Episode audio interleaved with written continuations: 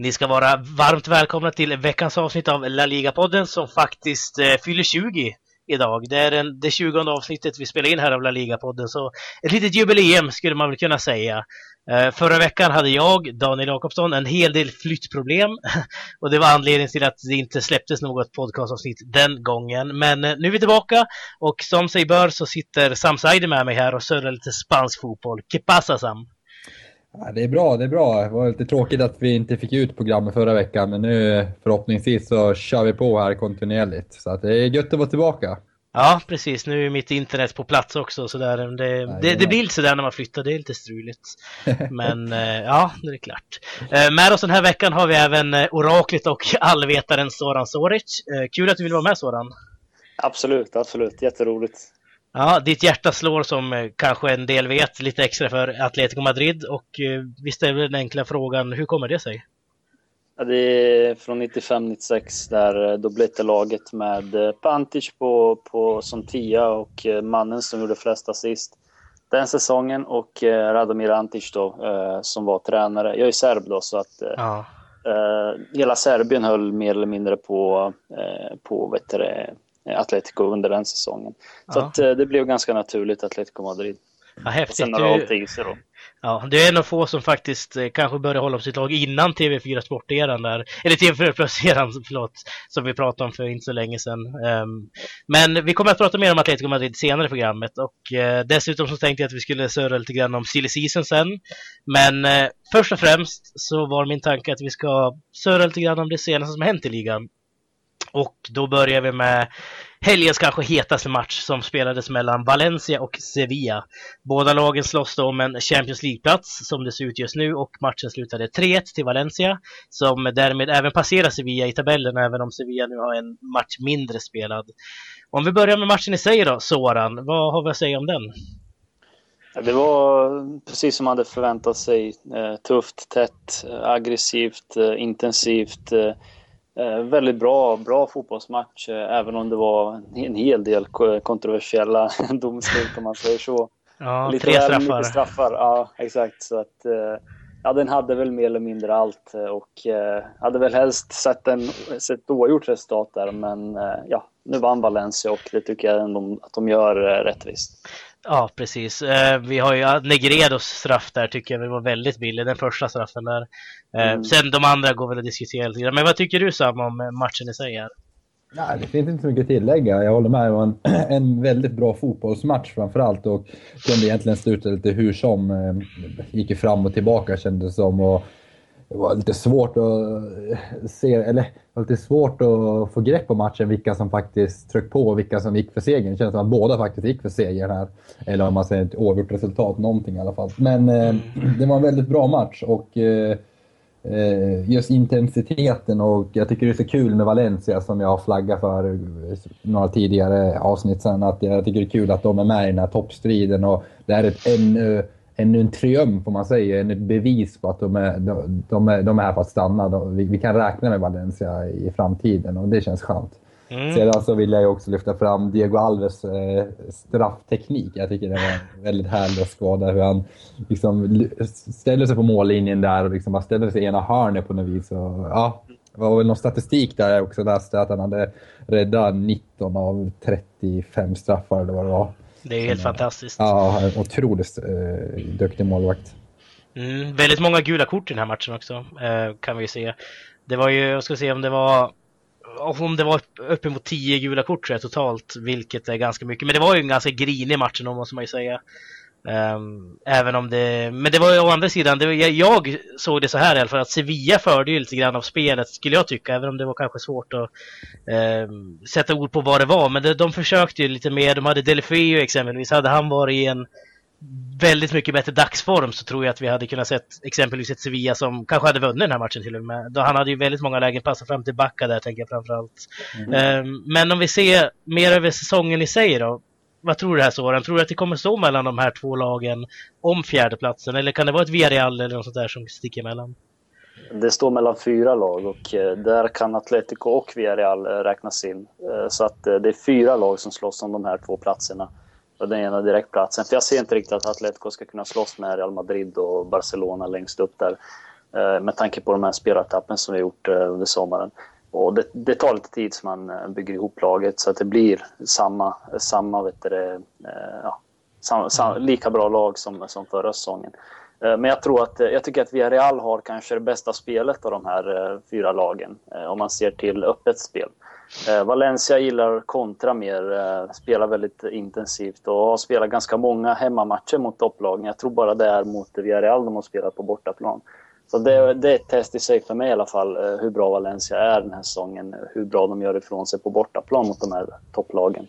Sevilla tror jag kommer vara där, men Sevilla spelar också i Europa League och eh, det tar extra krafter. Sen får vi se om de går vidare i kuppen också. Och, som vi vet, ju fler turneringar man spelar, desto svårare är det. Och Valencia tycker jag ska vara med här och slåss om, Europa, om Champions League-platser med tanke på att de inte har något Europaspel och åkt ut i Copa del Rey och ja, har en jättefin trupp med tanke på där de, där de håller på och ställer till med i Spanien nu att det är fyra lag som slåss om två platser. Ja, intressant faktiskt. Jag hade inte räknat med Atletico i den där eh, kommande kvartetten du pratade om, utan jag tänkte mer på en trio där. Men vad tror du då Sam? Tror du att det kan stå mellan Atletico, Valencia, Sevilla, Villarreal eller om det är de där tre andra? Jag är inne på ditt spår Daniel, utan jag räknar inte med Atletico Madrid där. Eh, som eh, Barcelona-supporter så ser jag ju definitivt Atletico Madrid som en toppkonkurrent och eh, jag tror inte att, eh, jag tror snarare tvärtom att Atletico kommer vara med i toppstriden hela vägen. Eh, så att det kommer stå mellan Valencia och Sevilla. Jag räknar knappt med Villarreal. Utan, eh, och, det, och det är kanske lite naivt av mig att göra med tanke på att Villarreal bara är ett poäng efter Sevilla och, och eh, endast tre poäng efter Valencia. Men sett i spelartrupperna och på sättet de har... Jag vet inte, det, det, det, känns som att både Valencia och, och Sevilla har, känns tyngre på något vis. De känns stabilare. Även om Villarreal spelar väldigt fin fotboll så tror jag det i slutändan kommer stå mellan Valencia och Sevilla. Mm. Intressant, men jag tyckte det var väldigt intressant det Soran lyfte fram här också, att Villarreal ska vara det bästa spelförande laget eller så. Att man har ett eget spel och det kan ju ligga någonting i det kanske. Därför om man ser på matcherna de har torskat i år så är det ju bara mot storlag i princip. Man har väl inte tappat någon match mot ett lag under topp 10 vad jag vet.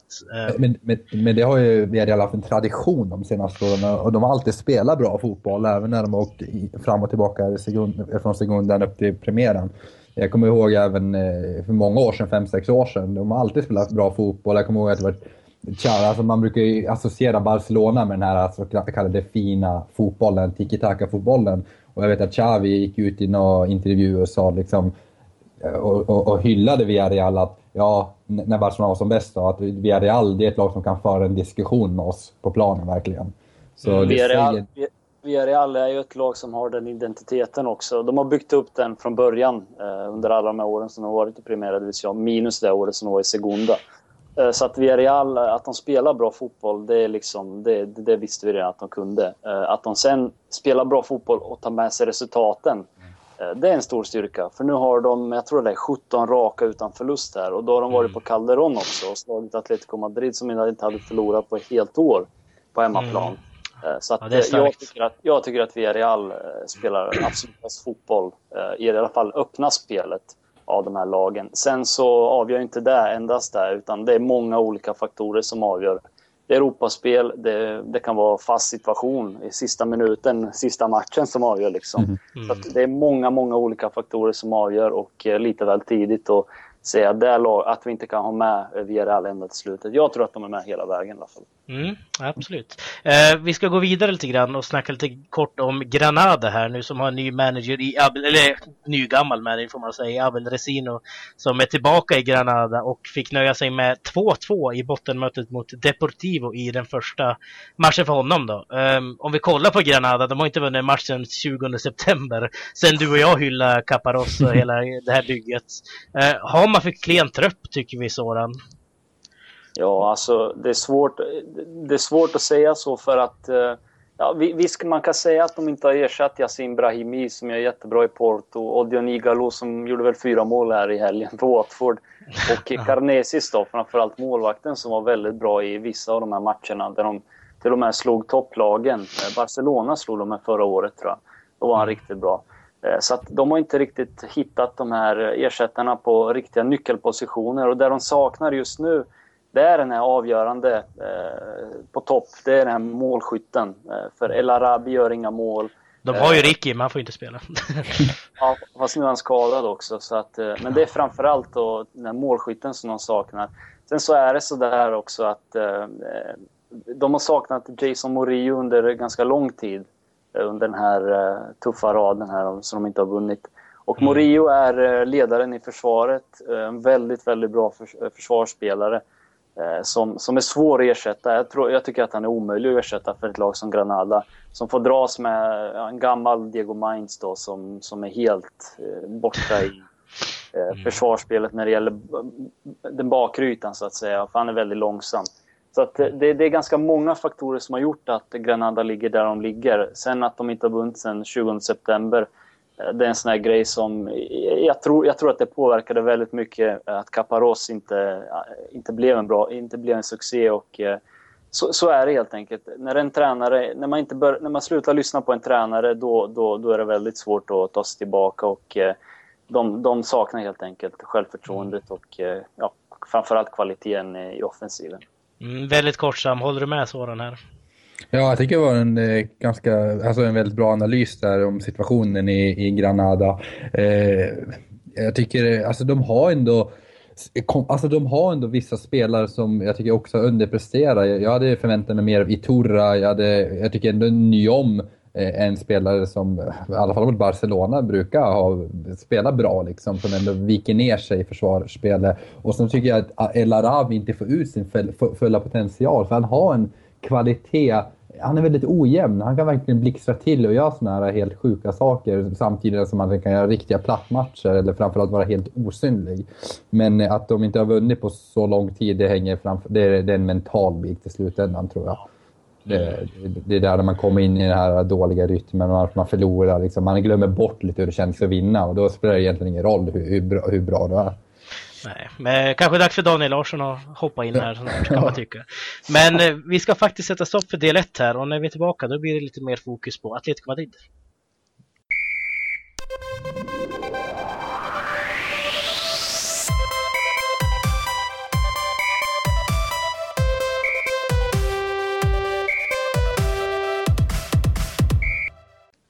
Förra säsongen så skrällde man rejält och i år så kanske inte folk höjer på sina ögonbryn lika mycket för deras framfart. Uh, Atletico Madrids framgångssaga är mäktig och det känns som att man kan prata hur mycket som helst om detta bygge med Simeone och grabbarna i det här laget. Men uh, ja, vi har, vi, man skulle kunna liksom ta ett helt program till detta men vi har bara en liten kort del och det ska vi göra i denna del. Vi pratar väldigt mycket om Atletico här.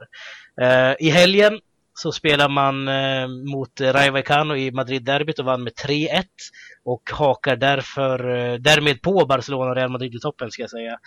Um, om vi börjar med matchen i sig då, Be berätta lite grann om den Soran. Ja, det finns väl inte så jättemycket att säga förutom att eh, Rayo spelar sitt självmordsbenägna spel där de försöker mm. kontrollera matcherna och, och ja, ha bollen i havet. Eh, de åker på två ganska billiga mål. Eh, Atletico gör precis det de vill göra, kontra genom Griezmann. Han gör två mål, eh, två individuella misstag mer eller mindre. Och mm. ja, sen, är match, sen, sen faller Atletico kanske in i en liten brygga där mellan 30 och 45 och efter det så tar man över i andra halvlek. Gör mål på en fast situation, vilket är väl 20 målet den här säsongen på en fast situation. Och så, mm. så stänger man bara matchen 3-1. Seger, mm. ganska enkelt. Ja, han är het nu Griezmann. Vad tycker du om matchen här Sam? Ja, en typisk Atletico-seger skulle jag säga. Eh, Paco Gemes fotbollsfilosofi med att lite halvt fundamentalistiskt hålla i bollen till varje pris i ett så kallat possession-spel. Det passar Atletico perfekt i handsken och eh, man utnyttjade som sagt, som sådana har sagt, deras misstag. Och eh, en Griezmann som har varit otroligt bra de senaste månaderna skulle jag säga. Eh, Eh, straffar dem rejält med två fina mål och en assist tror jag det är också på hörnan om jag inte minns fel. Ehm, men Atletico stabila, starka och ja, jag är fortfarande så, eh, inte chockad längre, men det, är så otroligt att de är så starka på fasta situationer. Det är helt sanslöst hur många mål de gör på fasta. Ja, om vi kan prata lite kort om det här då Soran. Hur kommer det sig att man är så oerhört, kanske Europas starkaste lag på fasta situationer? Ja, det har att göra med att eh, Burgos, Mona Burgos, gamle målvakten, som var lite en galning själv, han är helt besatt av eh, hur man, eh, hur man ska lura motståndarna på just fast situationer. Och, Atletico har väl typ 20 till 30, 35 olika varianter på hörnor och frisparkar. Så att det säger väl sig självt att det är väl därför man har gjort 25 mål. Sen, sen så är nyc en av nycklarna till, till att ha bra fast situationer också att man har spelare som kan slå in bollen på ett bra sätt. Och Kåke en sån där, Gabi en sån där, Griezmann såg ju nu senast. Så att det finns spelare där också som kan slå in de här mm. hörnorna och frisparkarna. Och, och så, ska, och så skadar du inte med Godin och Miranda och grabbarna. Nej, som är... precis jag skulle säga. Ja. ja. Nej, det är alltså Mandzukic här nu om vi pratar något annat om en eh, fast situation. Skarven till Griezmanns mål var ju väldigt snygg. Om vi säger så. Mm. Det var ju lite sånt, eh, lite Emil Heske, Michael Owen tänkt där kände jag. med Griezmann och Mandzukic där fram. En, en stor, en liten. Um, men eh, om vi kollar i uh, cupen här nu då, där Atletico redan har slagit ut Real Madrid så blev ju Barcelona lite för tuffa nu när de möttes i veckan. Messi brände ju förvisso straffen, man slog in sin retur där och gav katalanerna segern. Um, vad har vi att säga om den matchen Sam här? Eh, var, varför har de så tufft uh, Atletico mot ditt Barcelona? Alltså egentligen så gjorde Atletico en jättebra match på Camp Nou. Alltså det kunde ha slutat 0-0 och eh, det är väl egentligen att man haft svårt för Barcelona är ju inte riktigt sant. Nu är det väl två matcher här då. Det var ju snarare Barcelona hade svårt för Atletico innan, innan uppvisningen i ligan eh, för en vecka sedan, två veckor sedan kanske. Mm, tio dagar sedan. Ja, tio dagar sedan. För det, det, var, det var ju verkligen en match där jag inte kände, där Atletico inte fick till framförallt ett närkampsspel skulle jag säga. För då, det som kännetecknar att Atletico för mig det är ju att de jobbar lite hårdare än alla andra lag. Men just i den där 3-1 förlusten med Barcelona känns det som att Barcelona jobbade lite hårdare än vad Atletico gjorde. Vann 50-50 duellerna. Sen är ju Barcelona ett skickligt lag och vinner de den kampen plus har den här spelskickliga kompetensen då är det klart det blir väldigt tufft. Sedan i den här Copa del Rey-matchen, då tycker jag ändå de spelade upp sig och Atletico gjorde en väldigt bra taktisk match, låg rätt i sina positioner och Barcelona skapade inte så himla mycket. Utan det är väl mest att Barcelona har fått till sitt försvarsspel, vilket gör att eh, det känns som att Atletico, eller det känns som att Barcelona är mer dominant än vad de är, när egentligen Atletico faktiskt hade relativ kontroll på den här matchen. Sen så är det ju olyckligt att Juan Fran är lite klumpig och sparka i luften och liksom olyckligt träffa Busquets. För, så det där kunde lika gärna sluta 0-0. Mm. Delar du Sams analys Soran? Ja men så är det och framförallt närkampsspelet det måste vara 100%, 110% nästan om de ska spela mot eh, på topp, om de ska kunna mä mäta sig med Real Madrid och Barcelona, de allra största lagen.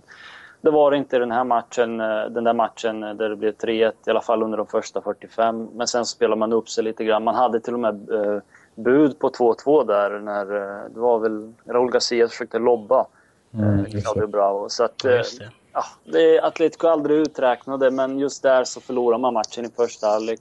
Och på Camp Nou, som, det är bara att hålla med Sam om analysen på Camp Nou. Man tycker man kontrollerar ganska bra matchen.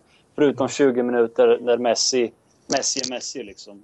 Messi mm. går inte att försvara en mot en, inte ens två mot en. Utan du måste nästan ha tre spelare att boxa in honom. Eh, och inte ge honom ytor. Så att, eh, det är väl det det handlar om.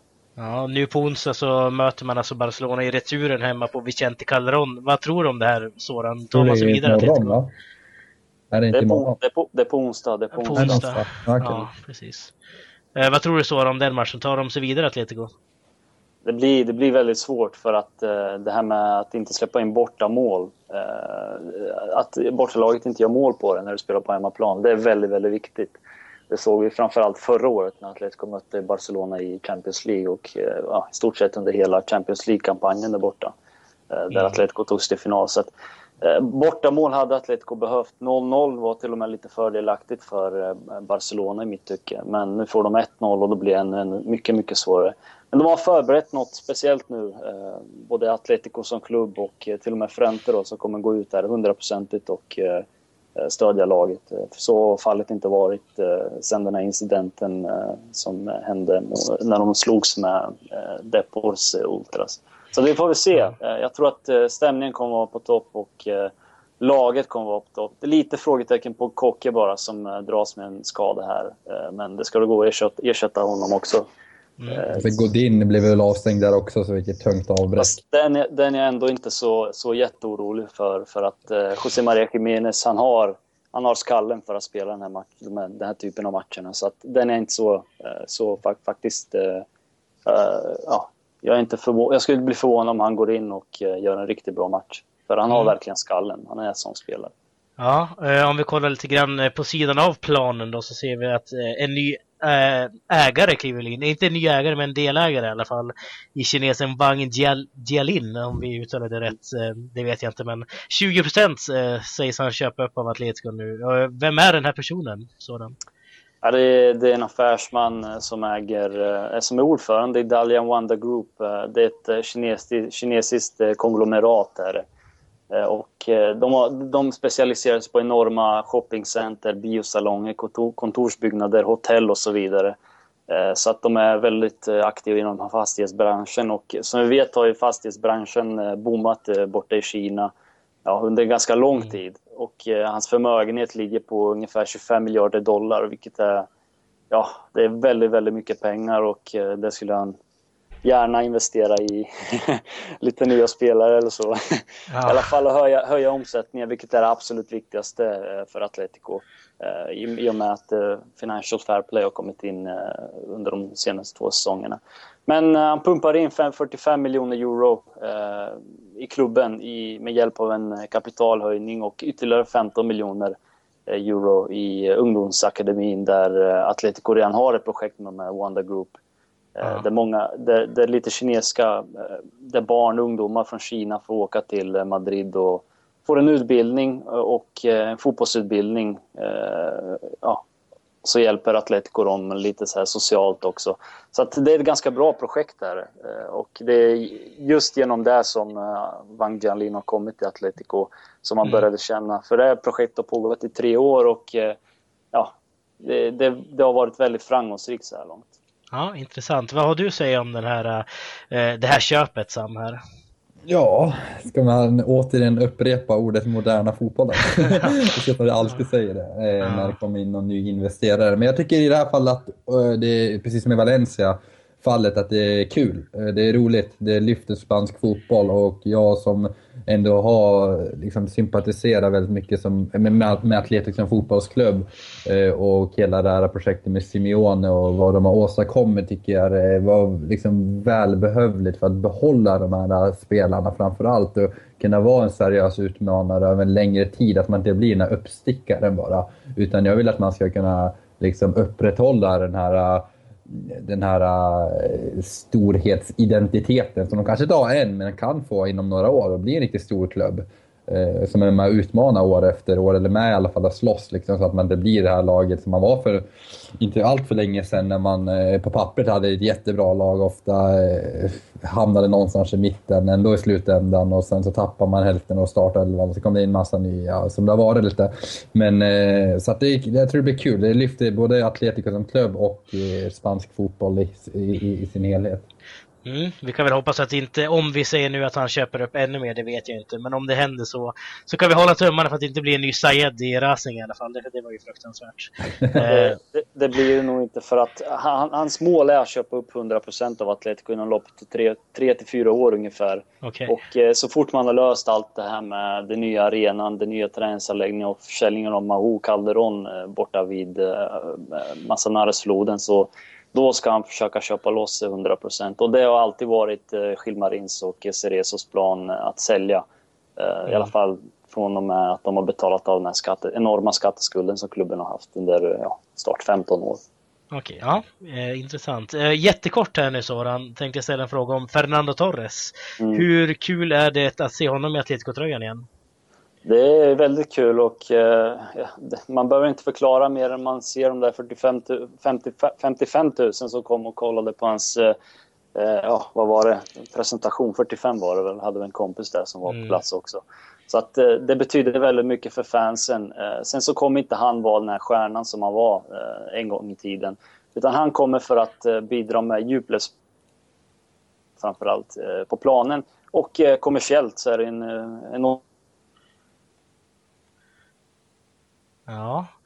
Nu verkar det som att vi har fått lite ljudproblem här med Soran, men... Eh, Han ja, försvann där va? ja, han försvann lite grann där, men kommer nu kommer han tillbaka. Men vi ska faktiskt sätta stopp för del två här och när vi är tillbaka så blir det lite mer silly season-snack.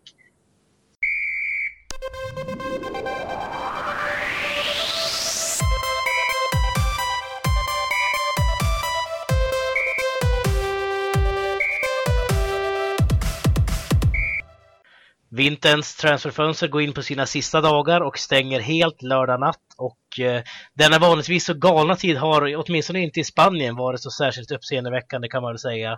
Eh, men en del övergångar finns att rapportera om, eh, bland annat då Fernando Torres som vi pratade lite kort om alldeles nyss som är tillbaka i Atletico Madrid. Ehm, och eh, i denna del så tänkte jag att vi skulle surra lite grann om några övergångar som har eh, kommit detta fönster. Eh, där jag framförallt tycker att vi ska börja prata om eh, Celso Borges såklart. Eh, flytten från AIK till Spaniens finaste klubb Deportivo La Coruña. Eh, vad har vi för spontan kommentar här Sam? Är det en Ja. värvning av Depor-klass? Ja, det kan man väl lugnt säga att det är. Direkt Ja. från allsvenskan liksom. Det är alla deppor lite. Aha. Eh, känns nej, jag skojar. Han gjorde, ett, han gjorde ett fantastiskt bra VM för det första. Det kan vi inte komma ifrån. Det här har faktiskt en, en eh, nära vän här i Uppsala som är, som är AIK-supporter, fanatisk. Som, eh, hävd, eller som menade att Celso Borges aldrig tappade bollen i Allsvenskan. Ingen kunde ta bollen av honom. Och. Hela den tid han spelade i AIK. Så att eh, enligt honom så har han gjort en klassvärvning och eh, det ligger väl lite i det han säger. Alltså i det han säger. Det, de matcher jag har sett honom live så han är väldigt bollskicklig och eh, jag, eh, jag kommer ihåg någon match på, Fre- eller som jag kikade att han, han har någon slags split vision som jag tror kommer passa honom fint i, i, i La Liga som kommer gynna honom även på den internationella scenen. Mm, nu är ju inte hans arbetstillstånd riktigt färdigt här än så han kunde ju inte spela i helgen heller här för Depor. Men vad tycker du om eh, den här ny, det här nyförvärvet som Depor har gjort här av Borges? Soran? Jag tycker väl framförallt att det finns en underskattad del i hans spel också som han visade framförallt i VM. eh, Där han kom eh, i andra våg ganska ofta. Eh, Fyllde Mm. på mycket i straffområdet och eh, i och med det så kunde han vara ganska målfarlig, i alla fall komma till målchanser. Så att där tror jag, om, om eh, Deportivo använder honom på samma sätt som Co- Costa Rica gjorde, så tror jag att eh, de kan dra ganska stor fördel av hans eh, förmåga att springa rätt in eh, Eh, i vet du, öppna ytor och framförallt i andra våg. Eh, Det, det tror jag definitivt att de kan. Ja, det ska bli så intressant att se vart man kommer placera honom i Depor också. Man har ju en tradition nu senaste, i alla fall 7-8 åren i Depor, att man spelar 4-2-3-1. Mycket sen Michel Angelotin och det här. Ehm, och det ska bli intressant att se om man placerar honom som en av de här pivotesen man kör med eller om han ska vara lite mera ehm, trekvartist, alltså, alltså strax bakom ehm, anfallaren här. Så att jag vet inte. Jag, min gissning är att han blir lite mer pivoten och tillsammans med kanske Ja, Juan Dominguez går ju inte, därför så blir det två kreativa bredvid varandra nästan. Eh, men jag vet inte om man slänger in Alex Bergantinos där då. Eh, inte den mest, den bästa spelaren Depor har kanske, men det kan passa Borges bra där bredvid. Eh, ja, jag vet inte om det finns så mycket att säga om den här uh, värvningen. Det är ju jätteintressant att vi får en svensk bekantning i Borges i La Liga här nu. Daniel Larsson spelar ju inte så mycket. Men ehm, ja, om vi går vidare då. Xavi Guerra eh, återvände till Malaga och gjorde mål i sin första start nu i helgen mot Athletic Club. Vad tycker vi om den sådan? Ja, framförallt när de tappar eh, Rocky Santa Cruz. Så, så de får en spelare som, ha, som är väldigt erfaren eh, inom spansk fotboll, framförallt i Primera Division. Och en, och en ja, spelare som säkerligen kan snitta upp mot 10 mål, eh, 10, 11, 12 mål eh, per säsong. Så att eh, jag tycker inte att det är nedgradering från Rocky Santa Cruz, även om Rocky Santa Cruz är betydligt bättre med ryggen mot mål. Så att eh, helt okej värvning och eh, värvning på i alla fall Malagas nivå. Jag tror att han kan göra det ganska bra faktiskt. Han Ja. gjorde mål direkt också. Precis, eh, han hade väldigt svårt att ta en plats i Ca- Cardiff. Eh, men i dessförinnan i Real Valladolid var han ju ruggigt het. Alltså 15 mål i sin sena, senaste säsong i La Liga. 29 mål var det väl för några år sedan också i Ja. sekundan där. Men vad tycker du om den här övergången Sam?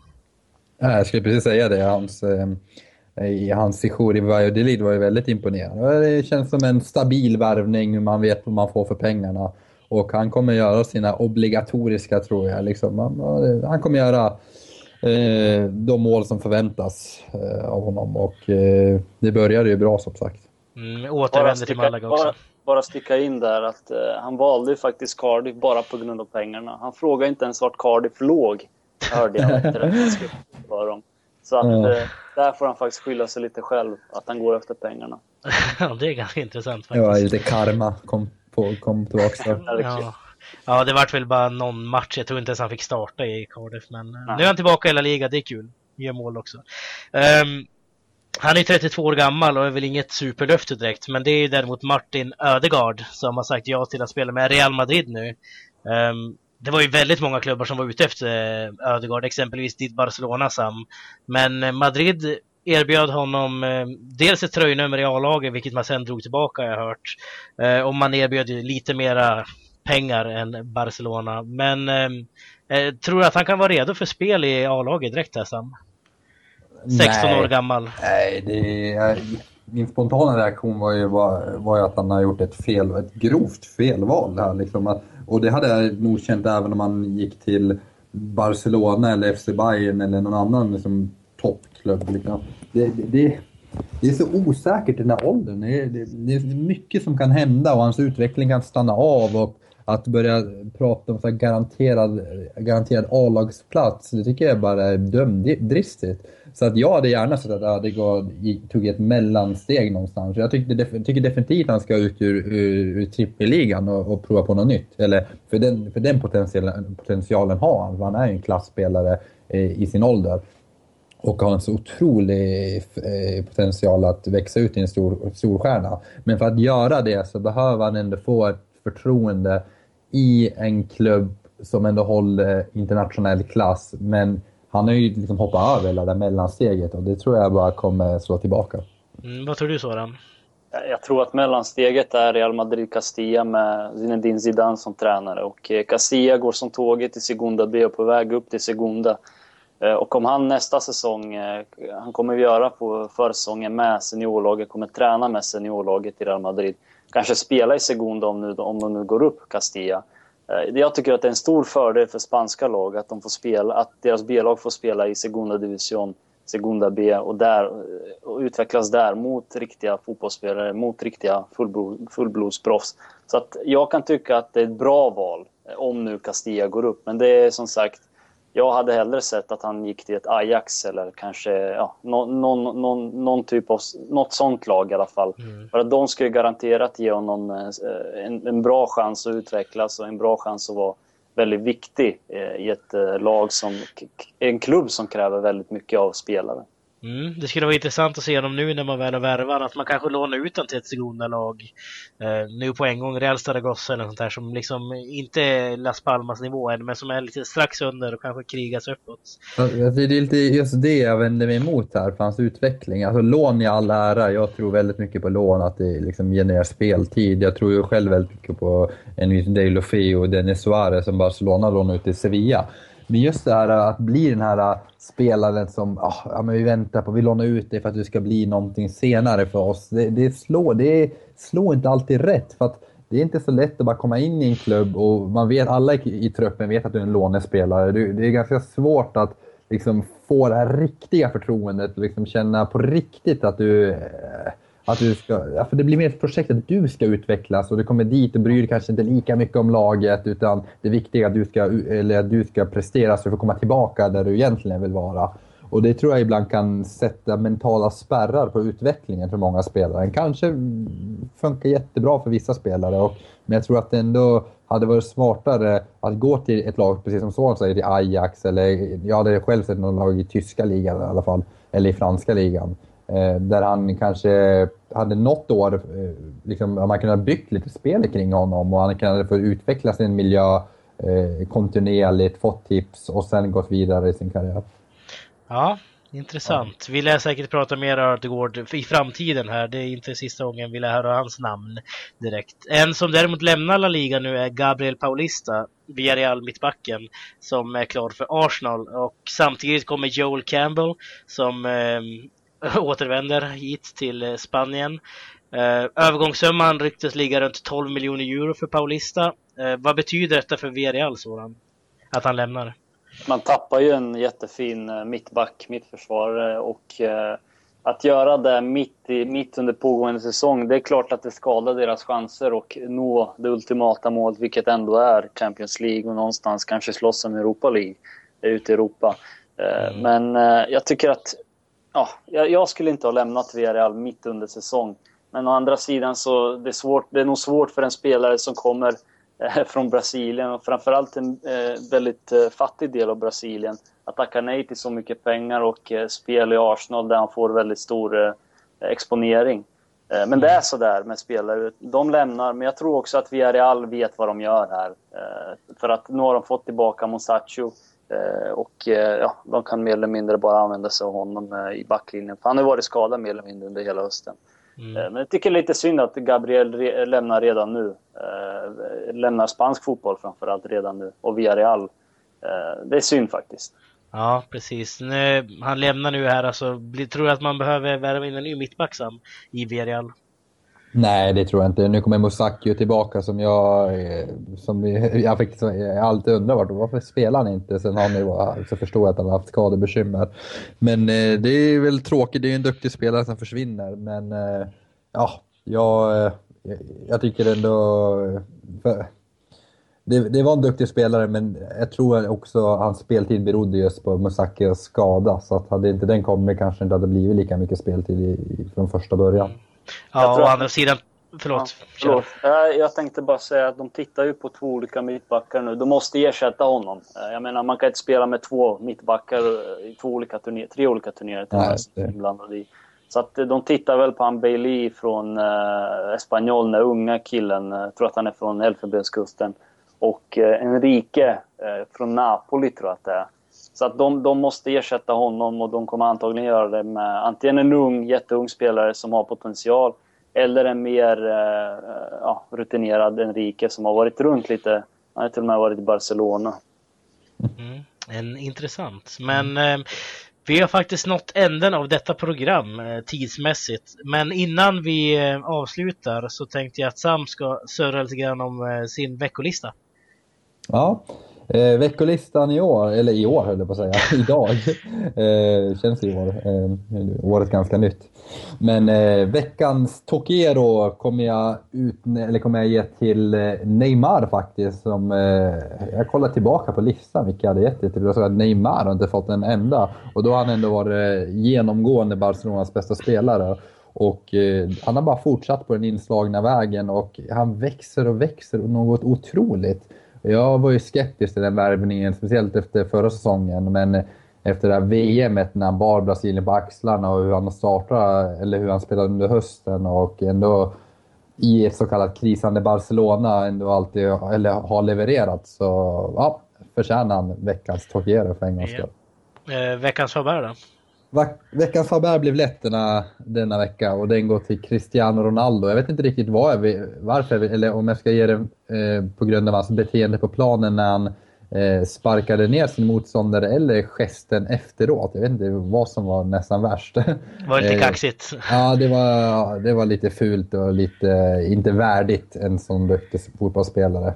Det du menar är när han eh, började vad är det han gör? Klappar sig ja, på bröstet? Ja, när han tar på det här Fifa eh, VM för klubblag. Borstar av den, ja. ja, borsta ja. av den för att någonstans visa att liksom Aj, kolla vad, vad grymma jag är egentligen. Ni, ni har ingenting här att hämta liksom. Ni är på en helt annan nivå. Jag är på en annan nivå. Jag spelar andra turneringar som ni aldrig kommer få spela eller uppleva på den här arenan. I Cordoba. Någonting så tolkar jag det i alla fall. En tolkningsfråga. Det kan ju lika ja, gärna vara ett äh, grässtrå där också. det, det. Men han förtjänar i alla fall veckans Faubert. Okej, okay. kan du köpa den här listan sådan? Ja, jag kan köpa den listan faktiskt. Jag kan, kan väl ge känga till Gaia också som skadade eh, Krychowiak där i slutet av... Eh, ja, just det. Ja. ja. Han kom väl undan gult kort också, har jag för mig. Ja, ja, det var inte snyggt. Det var det verkligen inte. Nej. Viktig spelare för eh, Sevilla också dessutom. Eh, men tack så mycket för att du ville vara med den här veckan Soran och eh, även tack till dig också Sam som vanligt att du sitter med och surrar med mig här lite grann. Eh, vi avslutar här och vi hörs nästa vecka. Hej då!